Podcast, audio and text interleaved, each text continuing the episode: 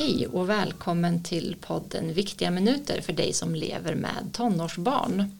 Jag som pratar heter Klara Tuvesson och jag jobbar här på förebyggarenheten som ju står bakom den här podden eh, i Kristinehamns kommun.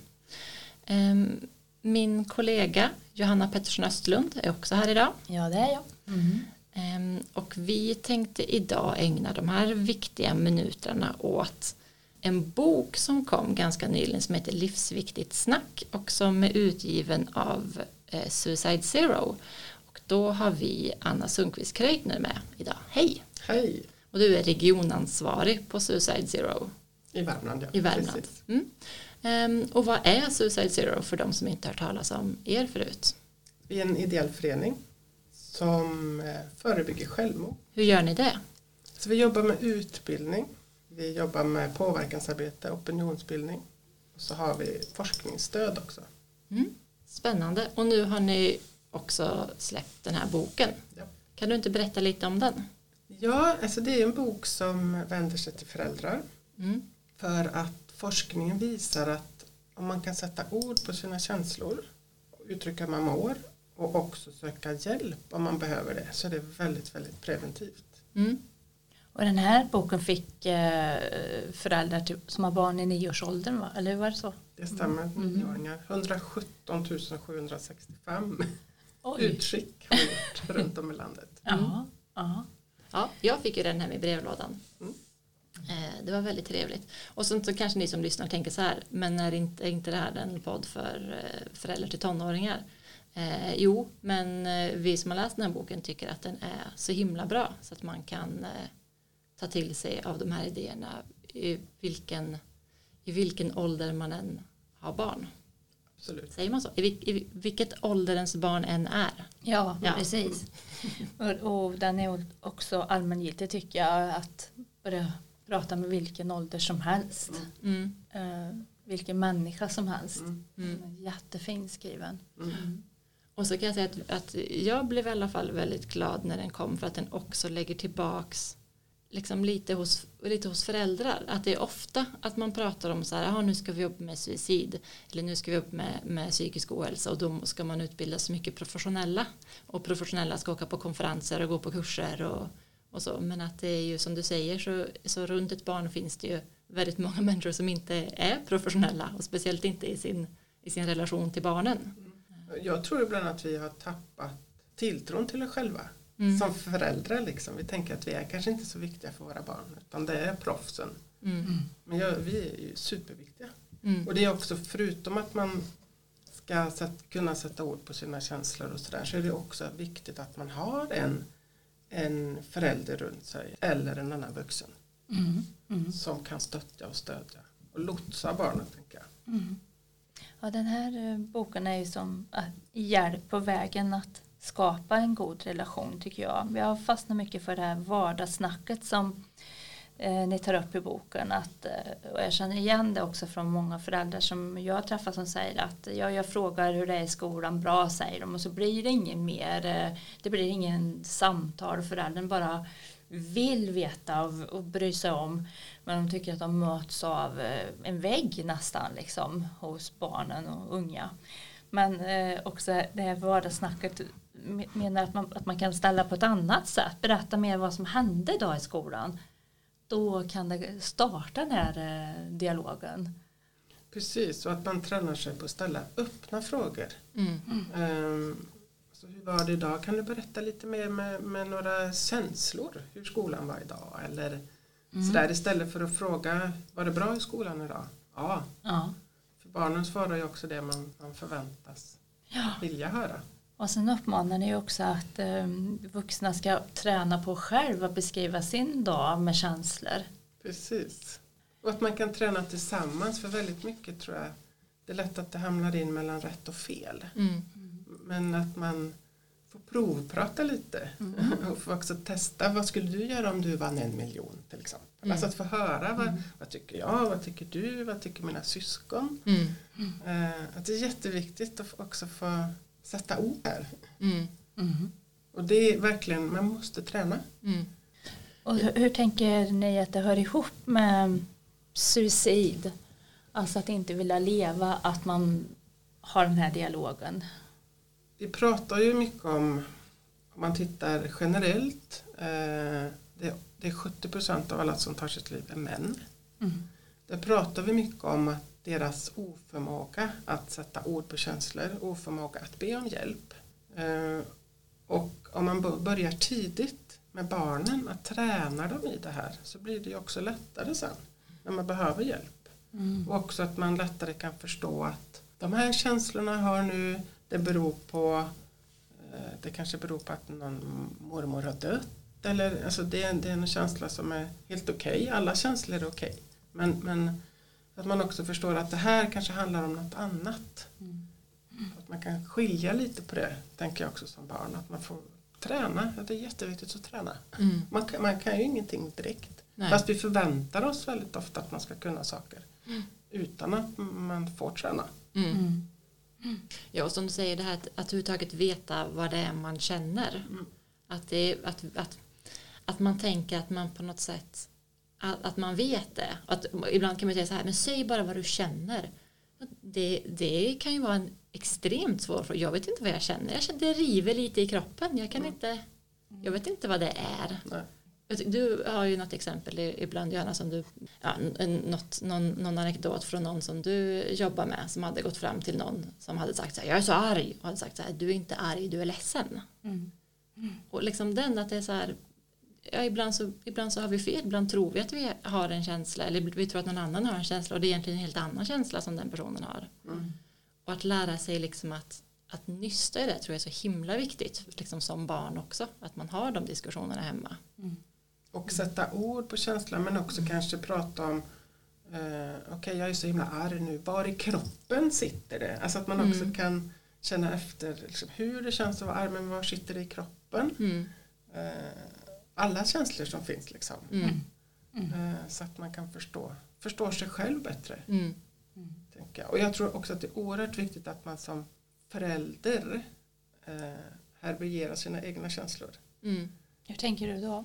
Jag tänker att det är väldigt lätt att Alltså jag minns bara själv när mina barn var i tonåren och de kom hem och var ledsna för något hur jag liksom tog över hela deras Mm. känsla och blev upprörd själv och ledsen och arg och ville lösa det problemet. Mm. Eh, Men jag tänker det hjälper ju inte dem Nej. utan försöka stanna i mina känslor låta barnet själv hitta lösningar Mm. alltså, men ändå i samråd med mig kanske liksom, Mm. lotsa dem lite Mm.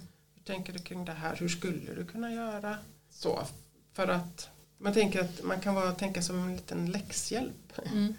Eh, om barnen har en läxa, om jag löser uppgiften, då lär sig inte de liksom, Mm. av det. Likadant är det med problem som uppstår. Tänk Mm. att man måste, ju duktigare man själv blir på att lösa dem, Mm. ju enklare blir livet. Ja, så att man ska göra en problemlösningsmodell typ i familjen. Mm. Ja, börja med att andas när man själv blir upprörd. Precis. Ja, Men jag tycker också att det är en sån himla bra liknelse att det verkligen är Ja, nej, man går ju inte in och skriver, man går ju inte in och när man får ha en matteläxa så går man inte in och säger nej men jag kan räkna ut det här talet, så det blev 35, varsågod. Utan, och då är man ju också mer så här, hur, löser, hur, hur skulle du lösa det här talet då? Hur ställer du upp det? Kan du visa mig? Det är så man hjälper till med matten. Mm. Och så, det är verkligen så man borde tänka med problem också. Mm. ja det var några exempel vet jag i den här boken just på jag tror det var en 17-årig tjej eller någonting som det stod om som hade tagit upp något problem Mm. till sin pappa och han kastade sig på telefon och ringde BUP. Ja, han tog över känslan, Mm. skulle ha en problemlösning direkt Mm. och hon blev kvar.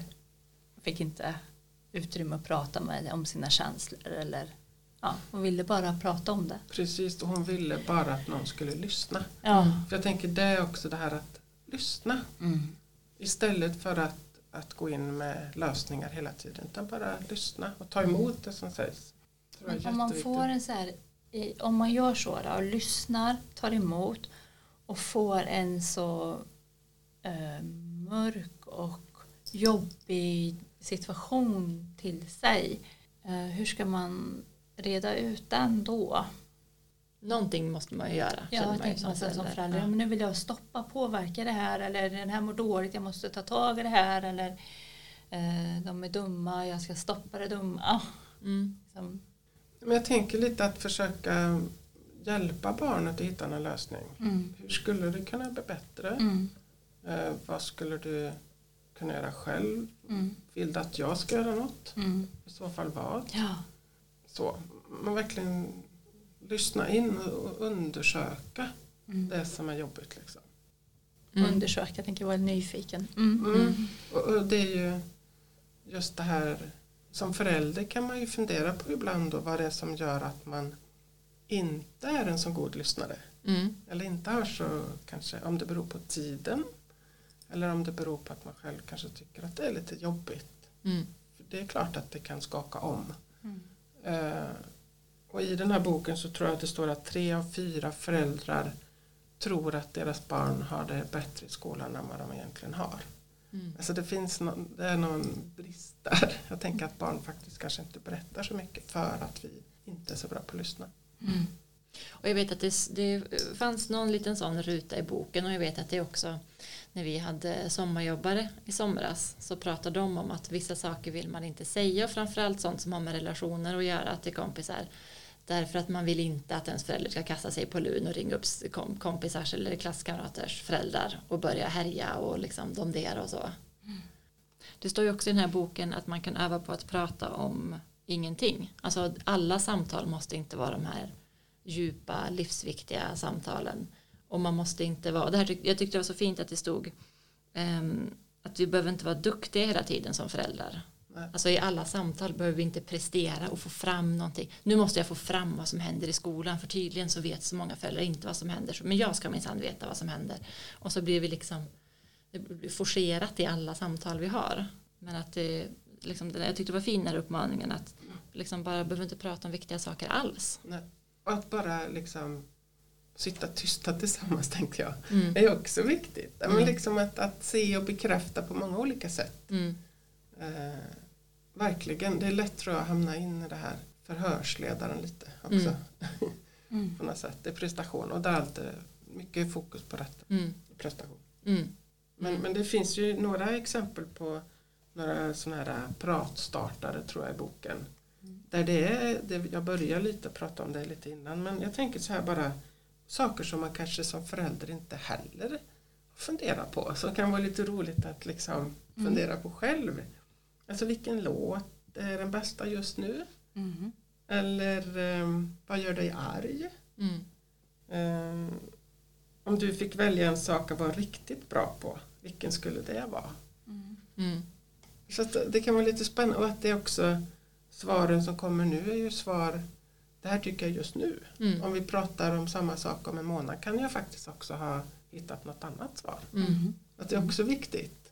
Och som du säger, sådana där saker kan ju starta ett samtal också ifall man tycker så här "Ja, jag frågar varje dag hur det är i skolan och jag får inga svar och jag vet inte hur jag ska så här, strunta i att fråga det då. Om man slutar fråga hur det är i skolan så kan man fråga sådär istället vad, vad gör dig glad just nu eller vad gör dig arg just nu och då kanske man får ett svar om skolan så småningom om man lyssnar ordentligt liksom på det. Men, men ibland så kan man inte ibland så kommer man ingen vart med de liksom raka frågorna heller utan man får bara hitta någonting annat att prata om. Och är det någonting som man själv tycker är väldigt tråkigt så kan det ju vara ibland också. Då kanske man får liksom sätta sig in lite i det och hitta någon vinkel som man själv tycker är intressant i det som ens barn vill prata om. Och vara liksom aktiv själv, eller följa liksom barnet mer. Det blir någon nyfikenhet Mm. kring det barnet gör och sådär. Mm. Men att ha tålamod tycker jag också är jätteviktigt. Mm. Att allt tar tid. Men Mm. bara jag finns här om du vill prata kan man också säga. Mm. Ja, för ni, det står också, finns också en, en liten passus i boken om ehm, eh, om att prata och att det kräver träning och timing. Och det tycker jag också är liksom en sån en fin påminnelse att det liksom inte är det är inte lätt att prata.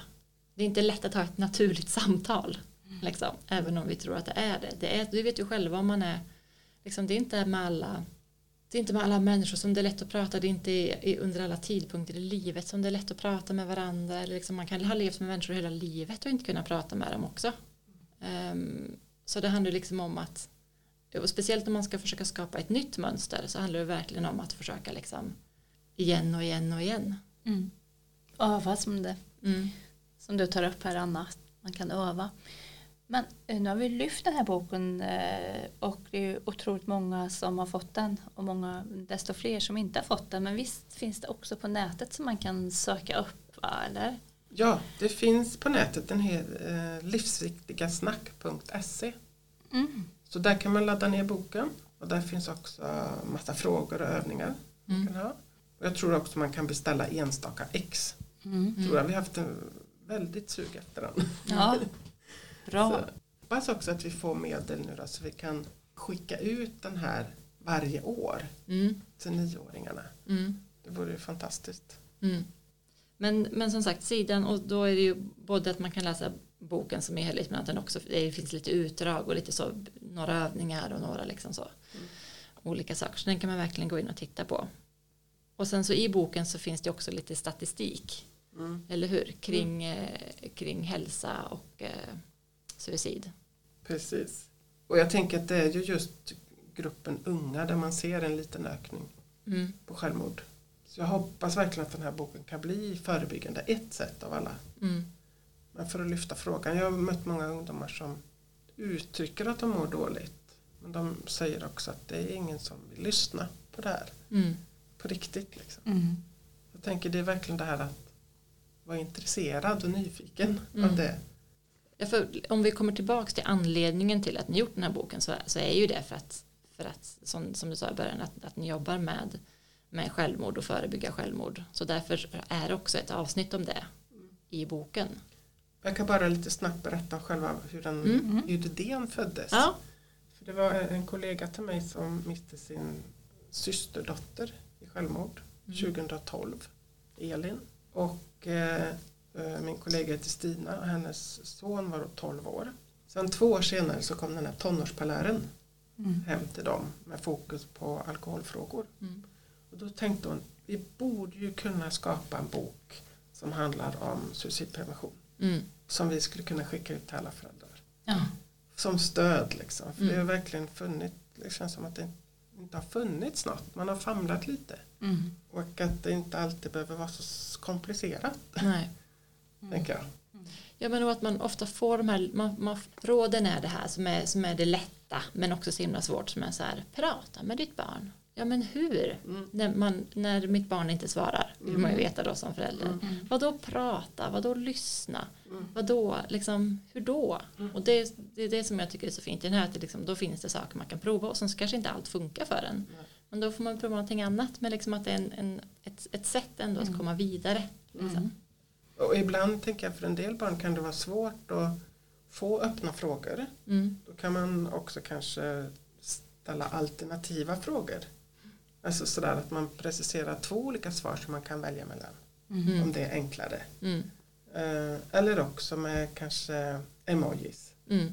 Olika bilder, att det är lättare att uttrycka sig så. Det finns många olika sätt. Mm. Mm. Men är det någonting, för du sa förut att, att eh, självmorden ökar något i ungdomsgruppen. Mm. Vad, kan du berätta lite mer om det? Vad är, Om man bara tittar på, i boken står det en siffra på år 2018. mm, Det, det året var det 160 unga som tog sitt liv. mm, Mellan 15 och 24 år. ja, Och jag tittar på siffrorna för 2019 och då var det 162 personer. Mm. Och det är också där man ser en liten ökning. Jag tänker att det, att det också är svårt nog att överhuvudtaget bära på självmordstankar som tonåring och, och, och hur många som gör det. Det är ju inte, det är ju fler än de 160 som faktiskt gör det. Verkligen. Det är inte alls ovanligt tänker jag. Att verkligen tänka på, på när det är jobbigt i livet. Mm. Att det, då, kom, då kan de här tankarna komma. Mm. Men att prata om det. Men Mm. bara för att man har själv- självmordstankar behöver inte det betyda att man utför handlingen. Nej. Men att få sätta ord på det då. Vad är det som gör att livet känns så otroligt jobbigt just nu? Mm. Att jag inte orkar leva. Mm. Och få prata om det. För ofta så hittar man ju inte någon lösning själv i den situationen. Mm. Men då kan man ju som förälder hjälpa till. Mm. Tänker jag. Hitta lösningar och hitta något hopp. Om det är någon som lyssnar på det här som ehm, är mer, mer, inte en förebyggande stadie utan mer ett allvarligt stadie. Vill du ge några råd hur man ska göra då när man vet att man mår jättedåligt och vet att den har en längtan eller Ja. tankar om. Mm. Jag tänker att verkligen våga prata eh, kring det. Mm. Och behöver man mer stöd så måste man ju lotsa vidare till professionen. Så är det till professionen, Mm. tänker jag. BUP eller elevhälsa kan det också vara. Mm. För att ta det verkligen på allvar. Mm. Så, men att alltid finnas med där runt omkring Ja. som ett stöd. Att det behövs flera personer runt om. Och i absolut akutskeden då är det ju 112. Det är ju dit man ska ringa. Mm. Finns det någonting som du skulle vilja, förutom det vi sagt, finns det något annat som du skulle vilja skicka med så här, föräldrar eller vuxna överlag? Att träna sig på att ställa öppna frågor. Ja, Jag tänker det, det, är- alltså det är mot eh, kollegor eller vänner. Alltså träna på det, jag tror verkligen det är en framgångsfaktor. Jag, jag har upptäckt själv vad det är svårt. Men att eh, när man ställer öppna frågor då är man också kanske nyfiken på svaret på ett annat sätt. mm. Verkligen lyssna på det som sägs. Man får lära sig så otroligt mycket av andra. Ja. Om man inte är själv i sin nästa fråga. Mm. Mm. Utan vara närvarande. Mm.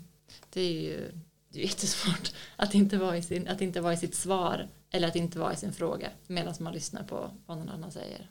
Och det är inte eh, av ointresse utan det är något av vana eller att man, jag vet inte vad det kommer sig. Vad tror ni?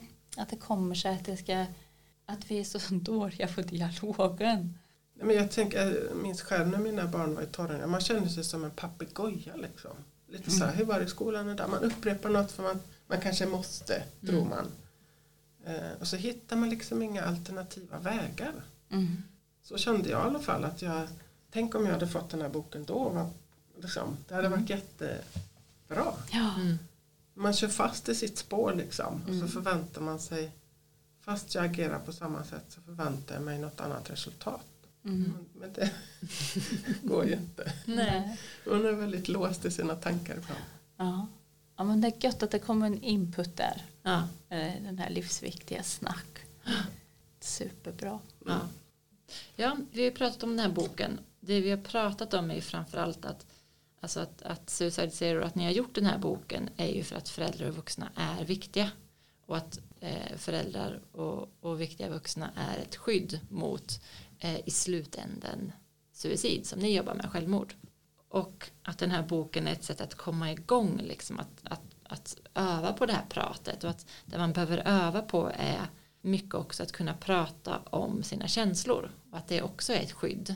Eh, att kunna identifiera sina känslor, uttrycka dem, prata om dem, jämföra dem, liksom alla de bitarna och att det behöver vi göra i vardagen. Vi behöver göra det, gå före som vuxna och vi behöver ställa frågor till våra barn där de får öva på att göra det. Och sen så behöver vi öva på öppna frågor. Ehm, och frågor också som involverar då till exempel hur saker och ting känns. Och inte bara hur saker och ting är. Ehm, och sen så har vi pratat om att man som vuxen ibland behöver eh, kontrollera sina egna känslor för att inte eh, att inte ta över sina barnkänslor i alla fall. Att om ens barn är väldigt upprörd då behöver man själv inte bli upprörd utan då behöver man kanske stå lite still. Och sen så har vi pratat om att vuxna behöver bli bättre på att lyssna och inte direkt lösa problem. Och att man kan hitta lösningar tillsammans eh, när man har lyssnat färdigt. Ehm, och sen så har vi fått lite tips på olika diskussionsstartare som finns i det här materialet och ehm, hur man kan träna och lite övningar och så. Men det kan man gå in och titta på livsviktigtsnack.se. Livsviktiga. Livsviktigasnack.se. snack.se. Är det något du vill lägga till Anna? Men lite kanske också tänkte jag att alltså barnens, barnen och ungdomarnas värld eller liv tänker jag skiljer sig så markant från när jag var liten och ni var små. Mm. Eller hur? Att det är så stor skillnad liksom. Så man kanske med sociala medier till exempel och den här jämförelsen och eh, att man utåt sett alltid är lycklig och, och sådär. Så det är så, jag tror det är ännu viktigare idag att prata om det här. Också det här jämförelse, jämförandet. De är så lyckliga, jag mår så dåligt. Alltså där. Mm. Att, jag upplever att väldigt mycket mer kanske idag blir svart och vitt. Mm. Och tonåren är ju svart och vitt.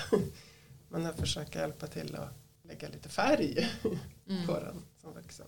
Då blir det så här, igen då, lä lägga färg och konkret, hur ska vi göra det konkret? Där, eh, eller komma med alternativ till det svartvita eller att själv också visa upp att man blir påverkad eller Ja men precis. ja, jag vill lägga färg. det ska inte vara svartvitt bara. Men det, det är eller svårt. att det finns grått i alla Ja, fall. En ja. gråton finns det ju på mycket. Mm, mm. Ja, men, och jag tänker att, att som du säger Anna, att man ofta hör vi hör ofta om vi hör ofta berättelser från, från lyckliga människor i, till, i, på Instagram eller liksom så eller glada människor i alla fall och sen så vet vi också att det finns väldigt väldigt olyckliga människor liksom. men att det, man kanske behöver mer, mer röster och mer berättelser och hjälpa till att vidga perspektiven liksom. Mm. Och att folk kan höra på så många olika sätt och man kan så det är kanske en sån sak som man kan vara med och, och försöka prata om liksom att Ja, för jag tänker på det här som jag säger ibland att eh, föräldrar kan ju vara så förkrossade över att barn ljuger. Eh, du brukar säga att men vi ljuger ju också. Vi börjar ljuga väldigt tidigt från barn och säga att nej, eh, kiosken är stängd eller glassen är slut eller nu är det natt och ja, liksom vi ljuger ju för fullt eller att de ser att man är ledsen i hemmet, man gråter och sen så direkt går man ut och träffar grannen och barnen står bredvid och så frågar grannen hur det är. Jo, det är bra, säger man och så ljuger man om sina känslor. Så vi ljuger ju, vi går ju före och ljuger hela egentligen hela tiden och det kanske man ska prata om att man vill ju visa upp sin eh, gladaste, finaste, trevligaste fasad till människor. Men att det just är en fasad. Men att hemma får man vara som man är och Och att det kanske inte är livet. Tänker jag. Utan livet är verkligen upp Ja. och ner. Ja, för det, vi eh, vuxna visar ju också av artighetsskäl upp en fasad mm, för att få saker att fungera. mm. Ja, om man alltid sa på morgonen på jobbet hur man mådde när någon frågade hur Ja. är det då skulle det bli så himla tråkiga dålig stämning på jobbet Ja, det skulle varje morgon. så faktiskt och sen så kan du beskriva det känslor och så. Ja. Så det, det funkar ju alltså inte alltid men Mm. med de nära eller som man väljer ut så måste man ju kunna få Mm. dryfta hur det är. Mm. Ja, ehm, tack i alla fall Anna för att vi för att vi får komma hit och prata om den här boken och med dig. Tack för att ni kom hit. Ja. Ehm, tack också till er som har lyssnat. Hoppas att vi ses igen i ett avsnitt längre fram. Hej då!